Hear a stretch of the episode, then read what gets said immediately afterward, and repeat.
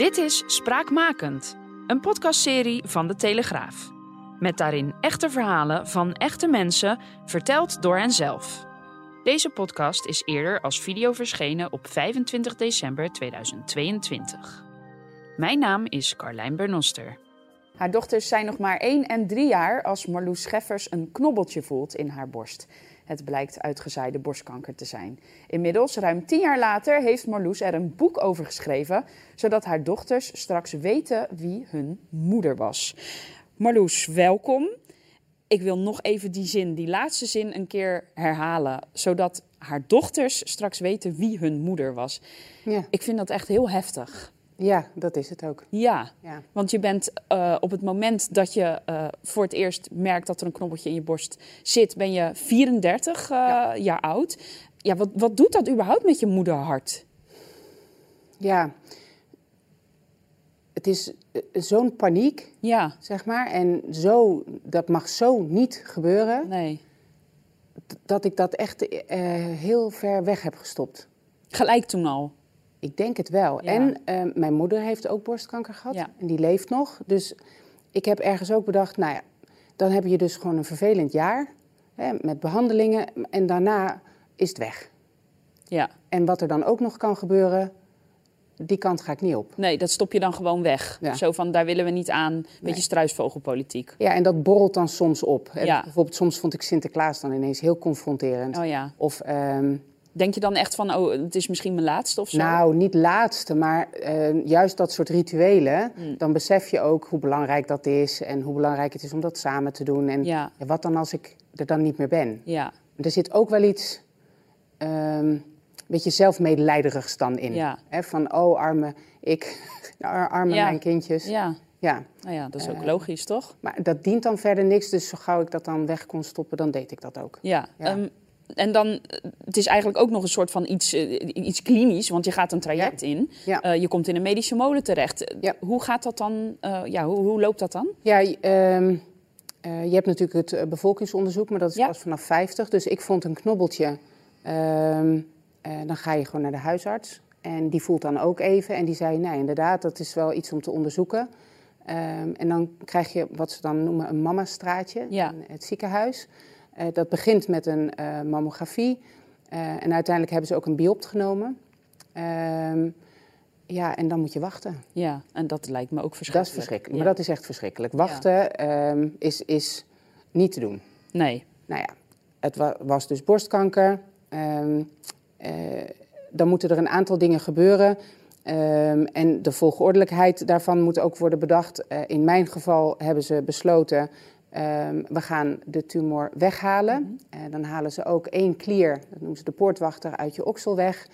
Als die aangedaan is, dan doen ze, dit is kopschouders het meest onaantrekkelijke woord in de hele medische wereld, dan doen ze een okseltoilet. ja, dat klinkt inderdaad niet heel lekker. Maar waarom toch? Het is Ja. al heel erg. Ja, Nou, hij bleek aangedaan, dus toen hebben ze bij mij dus een okseltoilet gedaan. Eh, Dus dat was de tweede operatie eh, vlak erachteraan. Ehm dat bleek mee te vallen. Er waren maar twee klieren, geloof ik, verder nog aangedaan. Ehm, en dan ga je eh, een traject in. Eh, soms gaan, bijvoorbeeld wordt er alleen bestraald. In mijn geval werd besloten eerst chemotherapie, zes keer. eh, en daarna bestralen. ja, Ehm, dus de chemotherapie was één keer in de, ik meen drie weken uit mijn hoofd, een behandeling. Dus dat duurde iets van 4,5, 5 maanden. En dan krijg je een kleine recuperatietijd en daarna dus de bestralingen. 30, 35 keer. Is lang geleden alweer, maar ja, elke dag dan eh, ja, even biep en dan naar, naar kantoor. ja, naar kantoor. Ja, Hè? Gewoon. nee, was niet gewoon, maar ik probeerde heel, heel erg dat wel te doen. Ja, ja. ja. misschien ook gewoon een beetje om je sane te houden of zo. Ja. ja. ja. ja. Uiteindelijk eh, eh, blijkt er wel sprake te zijn van ook uitzaaiingen, onder andere in, in je heupbot. Ja. Eh, ja, dan is denk ik helemaal dat de hele grond onder je Ja. voeten vandaan gaat. Ja, waar ik het eerste nog ergens kon wegkoppen met Mhm. begrip of herkenning van het verhaal van mijn moeder. Of nou ja, ook, hoe, ook hoe de artsen reageerden. Van nou, dat is super naar mevrouw, kom, kom. Hè, maar we gaan nu wel weer beter maken. Ik liep slecht, dus ik ging naar een orthopeed. Dus we hadden niks nog met borstkanker Nee. te maken. En die man moest huilen. Toen die, Dat lijkt me wel een beetje gekkig. dat was het. En toen schoot ik wel echt, eh, nou wat ze dan altijd in de verhalen zeggen, hè, toen eh, viel de grond onder mijn voeten weg. Of, Ja, Dat gebeurde wel echt. Ja. Ik eh, heb echt gehyperventileerd.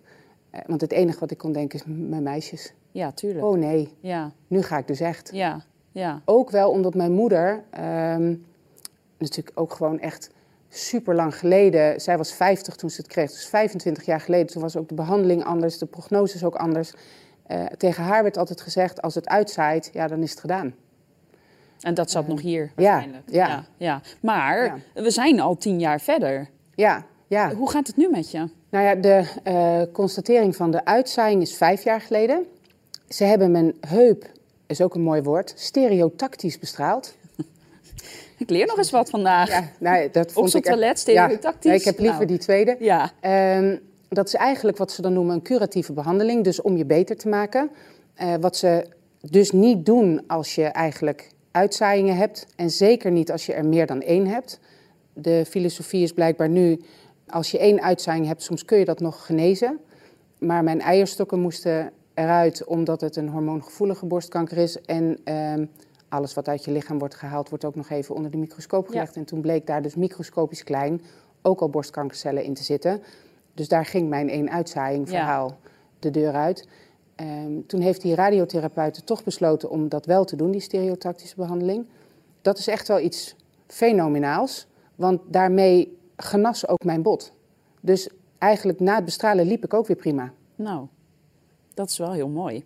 Ongelooflijk. Ja, En de eierstokken waar het in zat, waren eruit. ja, Alleen de aanname was dan toch, ook omdat borstkanker meestal uitzaait naar botten, lever of longen, is de eierstok een beetje een gekke plek.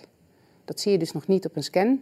Dus de aanname was, waarschijnlijk zit het dan al wel op meer plekken. mhm, En is het wachten tot dat groeit. ja. En dat is nu de fase ook waar je in zit. En dat is dus nog steeds niet gebeurd. Nee, oké. Ja. Ja.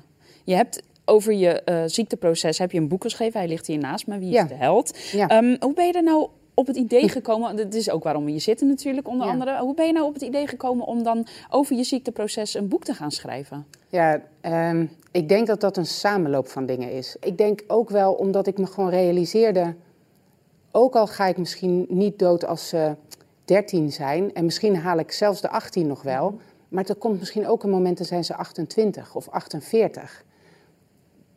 Mijn leerproces kan voor hen dan gewoon heel nuttig zijn. En Ja. kan ze helpen omdat zij weer op mijn schouders staan. En ongetwijfeld ook onhebbelijkheden of ingewikkeldigheden van mij hebben georven. Ja, ja. En wat, wat, er ook, wat ook een, een thema is, is de, is de eenzaamheid. Hè? Dat, Ja. Dat, ja, hoe- want, dat, want hoe voel je? Ja, je voelt je gewoon eigenlijk heel eenzaam, denk ik. Het is ook een eenzaam proces.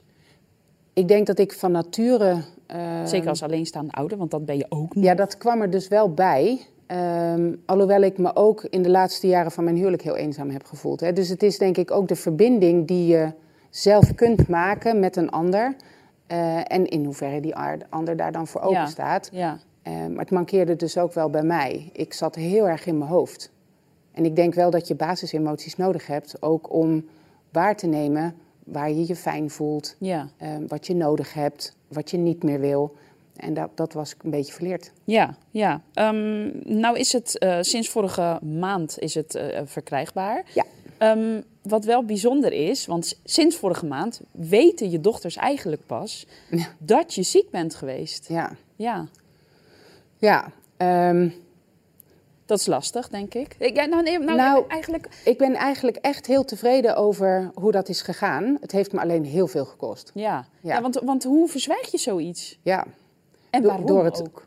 ik denk dat ik eh, in het ziekteproces met mijn moeder als dochter heel duidelijk heb gevoeld ehm, hoe het me ommepte. Want Ja. het was mijn moeder Ja. en haar pijn maakte me zo machteloos.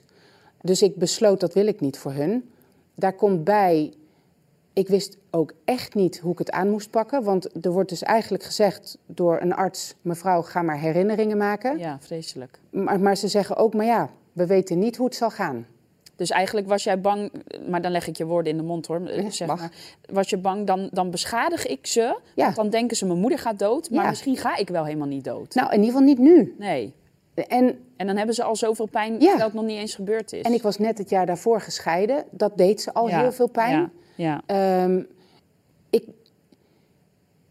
ik wist niet hoe ik het moest zeggen. En ik heb ook echt advies ingewonnen. En eigenlijk elke therapeut zei, je moet het wel zeggen. Mhm. Ehm, en toen heb ik gedacht, ja, bij de eerstvolgende scan als er weer wat zichtbaar is. Oh ja, ja, ja. Dat is vroeg genoeg. Ja. Dan, is, dan ben ik nog niet de dag daarna dood.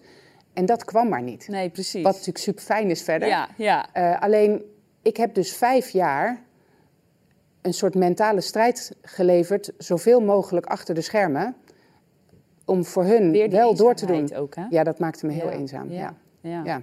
Hoe heb je ze het nu uiteindelijk wel verteld? Ja, dat Want is ja, het boek komt uit, dus je moet. Ja, Ja. Ehm, het is heel raar, maar het is ook een ander verhaal nu dan vijf jaar geleden. Want ik kon er direct bij zeggen dat de artsen nu zelf eigenlijk ook niet meer weten wat ze tegen me moeten zeggen. Ja, ja. Is het nou weg of, of duurt het gewoon heel lang? Of, dus dat haalt wel iets van ruimte. Ehm, eigenlijk, nou, ik heb het gewoon gezegd.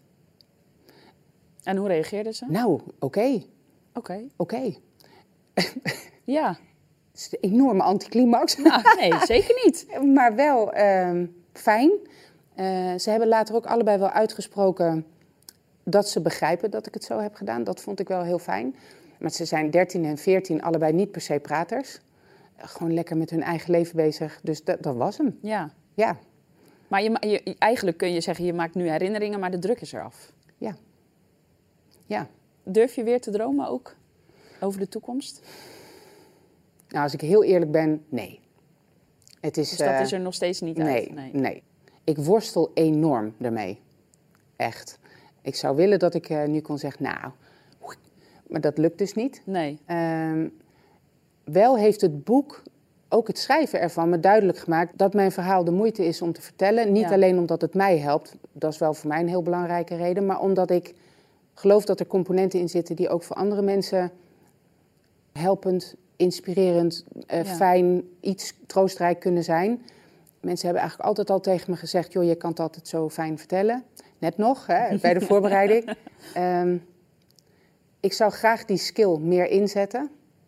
Dus ik had ook eh, voor mezelf bedacht: ik wil eh, nog een keer ergens op een podium zitten. Ja. Nou, dus dit is wel, eh, toch? Hè? en, Dus toch stiekem durf je wel te dromen? nou, dit is dus wel de droom. Ik weet alleen bij God niet hoe. Nee. Nee. Maar dat hoort ook niet bij een droom misschien. Dus dit is wel wat ik nou, voor volgend jaar mezelf ten doel heb gesteld. Ga eens kijken dan of, of het lukt, Ja. je droom. En Marloes, je bent niet meer eenzaam, want het is oud in die open. Ja. Spraakmakend is ook te beluisteren via Apple Podcasts, Spotify en alle andere podcastkanalen. Je kunt je gratis abonneren, zodat je nooit meer een aflevering hoeft te missen.